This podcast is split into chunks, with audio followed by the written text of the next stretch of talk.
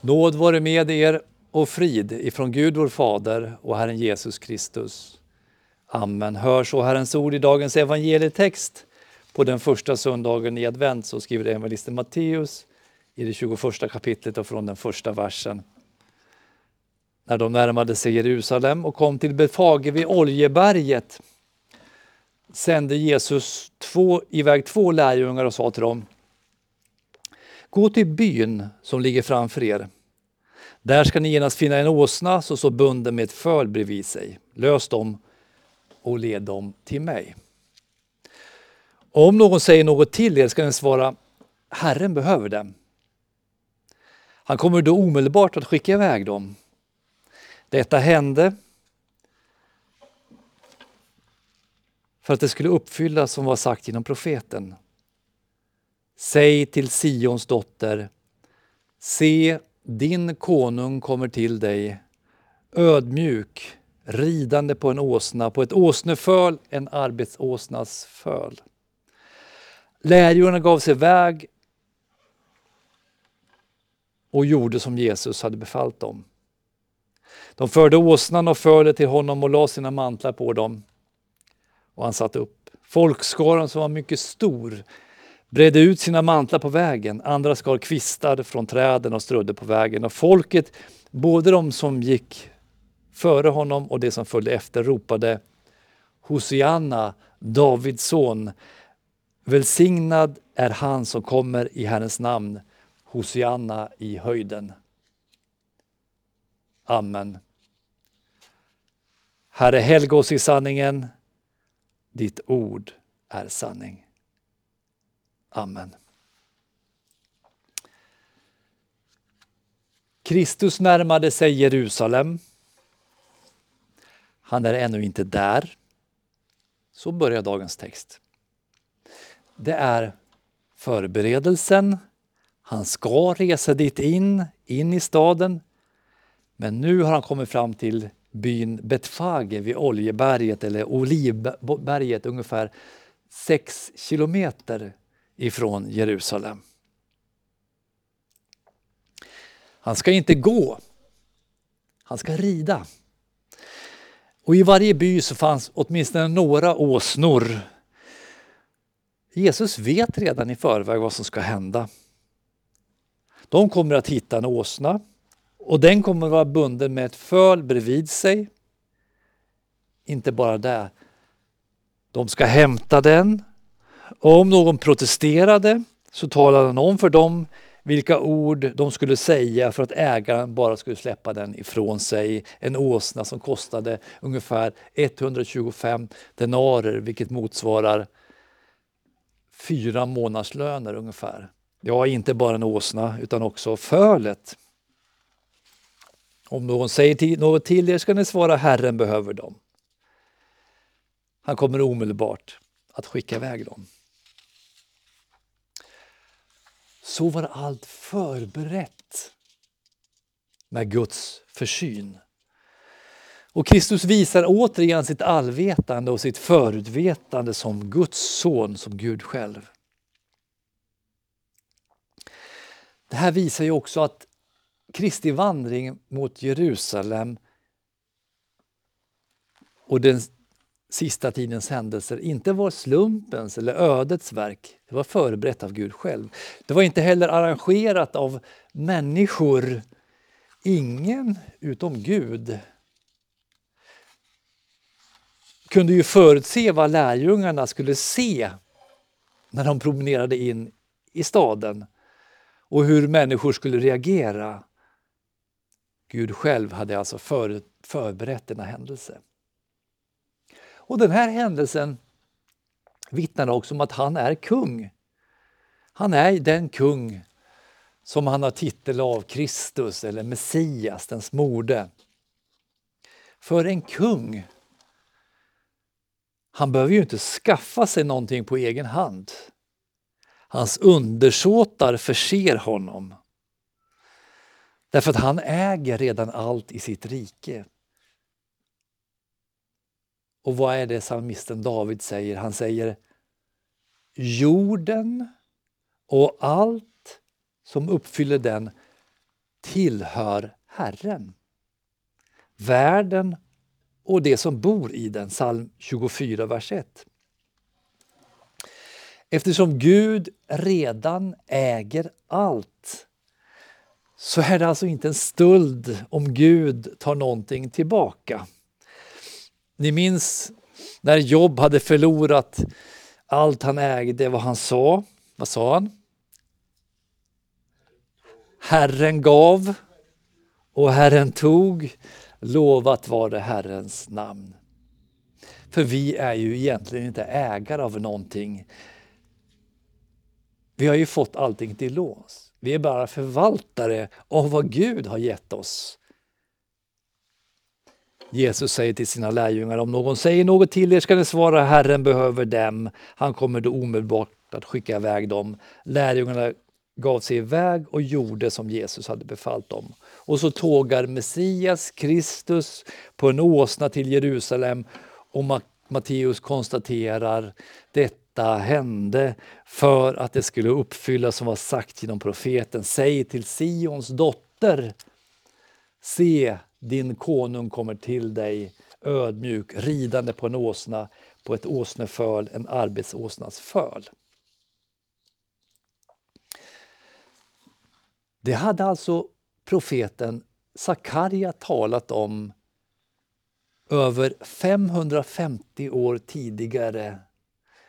Det var ju den gammaltestamentliga texten vi läste idag. Fröjda dig storligen du Sions dotter, höj jubelrop du Jerusalems dotter, se den konung kommer till dig. Rättfärdig och segerrik när han kommer ödmjuk ridande på en åsna på en åsninnas föl. Här kanske någon lägger märke till att Sakarjas text är annorlunda jämfört med de ord som Jesus här säger.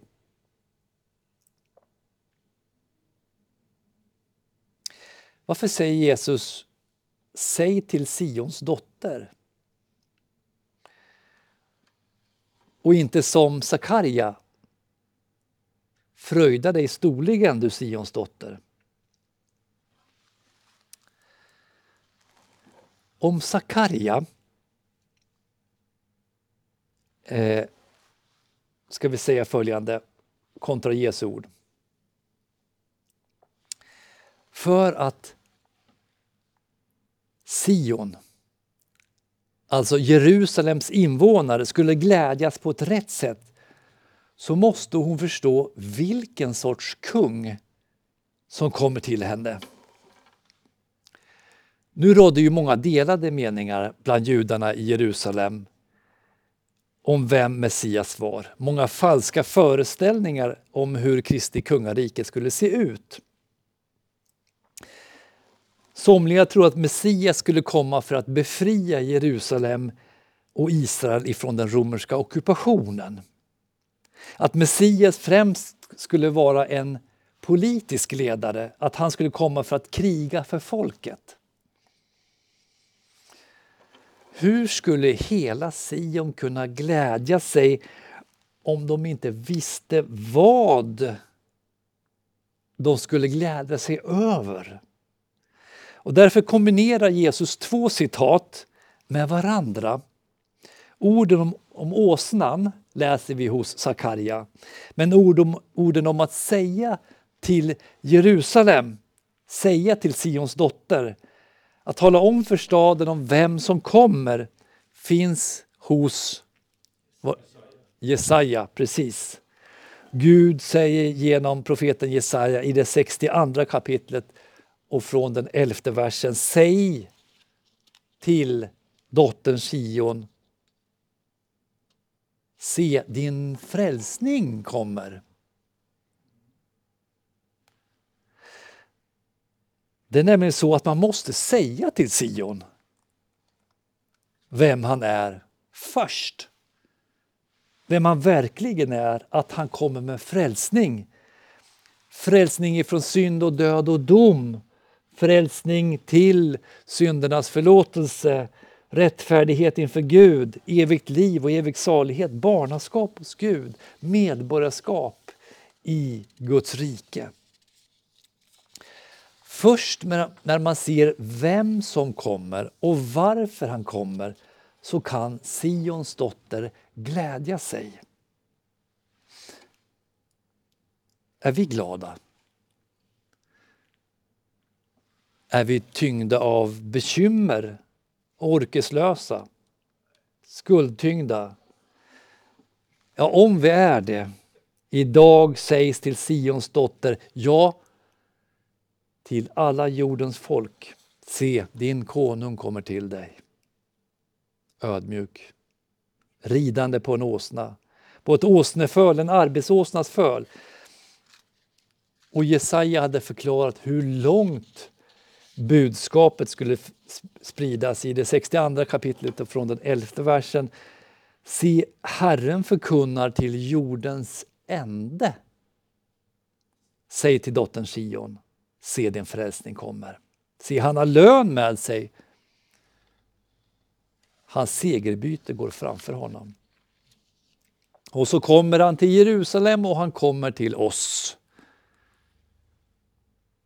om Gud och frälsningen hade uppfattats som någonting som är långt borta, någonting som man ska sträva efter.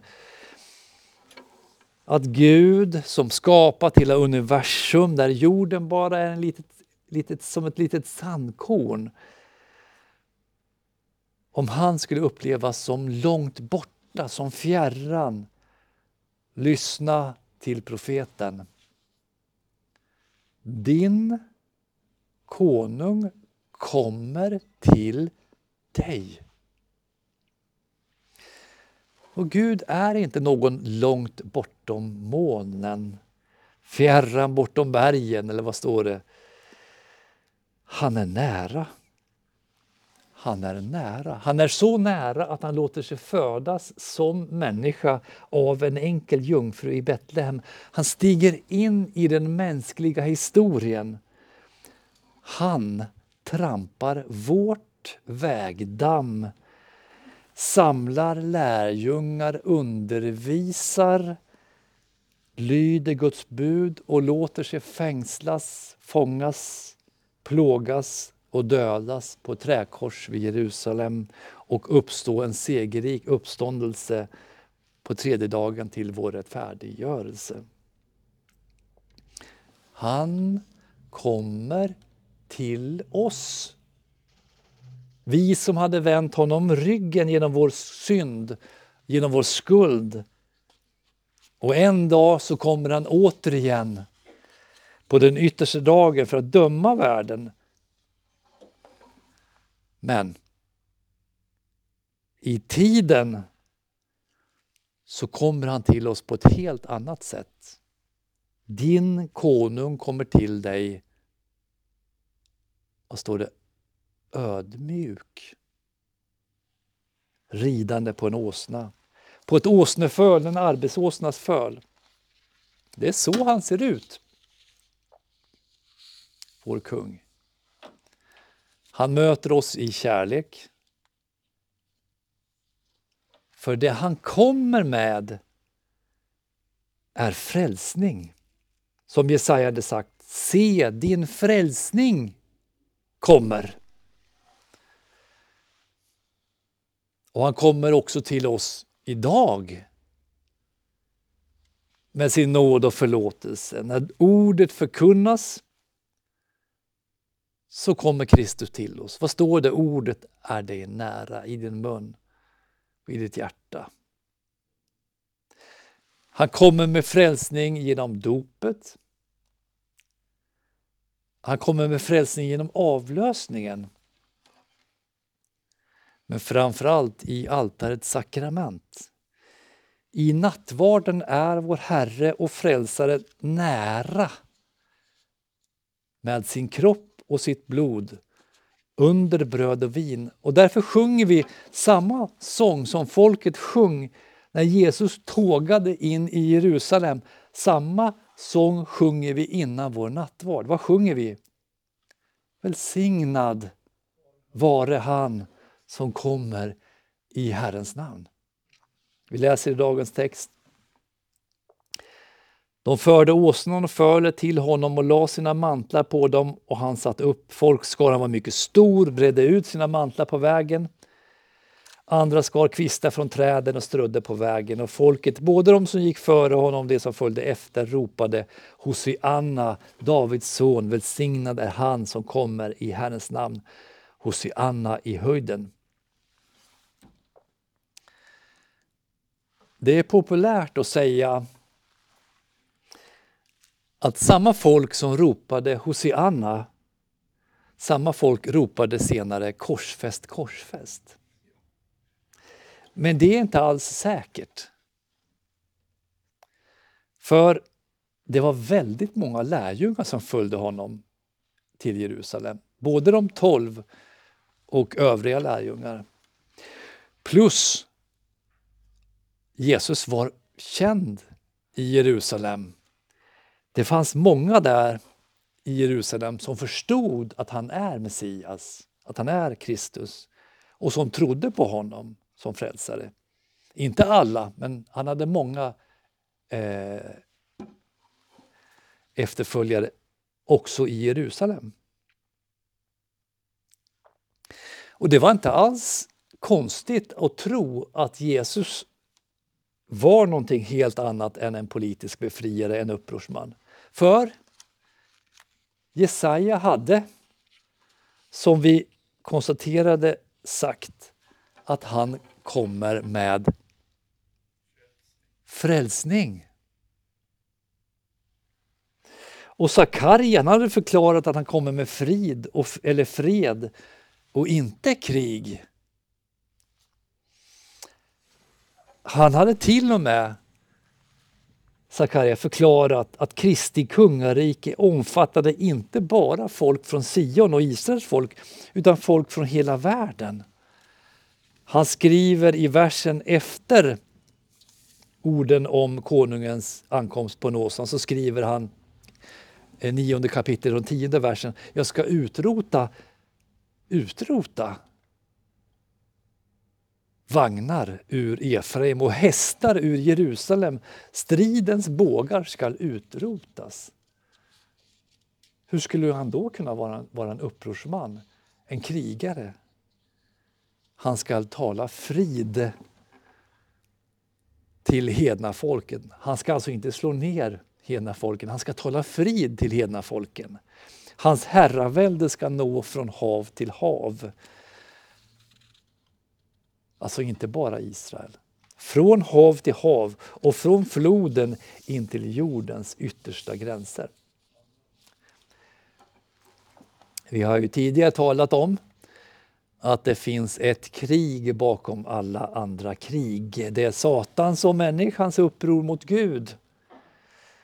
Men, som vi också har talat om, det finns en frid eller en fred bakom all annan fred. Vad är det för någonting då? Det är att ha frid med Gud. Den friden kan vi människor inte skapa. Att ha frid med Gud, det betyder att veta att man inte har något otalt med honom.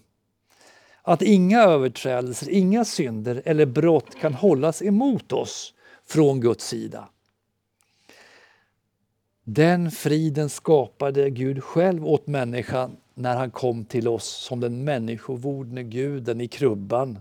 Jesusbarnet om vilken änglarna sjöng i änglanatten, vad då? Ära vare Gud i höjden och frid på jorden till människorna hans välbehag. Frid eller fred, det är ju samma ord som ni vet både på grekiska och hebreiska. Grekiska irän, hebreiska shalom. Och den friden stiftade Gud när sonen dog på korset. Som aposteln skriver, Kolosserbrevets första kapitel och 19 versen. Gud beslöt att låta hela fullheten bo i honom och genom honom försona allt med sig sedan han skapat frid i kraft av blodet på hans kors frid genom honom både på jorden och i himlen. På korset togs alla våra synder och all vår skuld ifrån oss och spikades fast där så att inga synder, inga överträdelser eller brott kan hållas emot oss från Guds sida. Vi är fullkomligt rättfärdiga inför Gud genom tron. Vi har frid med Gud, alltså rent objektivt. Ja, att människor fortfarande, fortfarande upplever ofrid i sina hjärtan, att man är rädd för Gud, att man tycker att man har en obetald skuld inför honom. Det vill Gud ändra på. Genom att säga till dottern Sion och till hela världen Se, din konung kommer till dig. Och tron välkomnar honom med orden Välsignad är han som kommer i Herrens namn. Och vi ber till honom, vi säger till honom O Jesu, hjälp mig tro på dig, att jag må få förskoning. Förök min kärlek, helga mig, att hjärtat blir din boning. Kom till mig in med nåd och frid och giv att jag till evig tid må bli med dig förenad. Amen.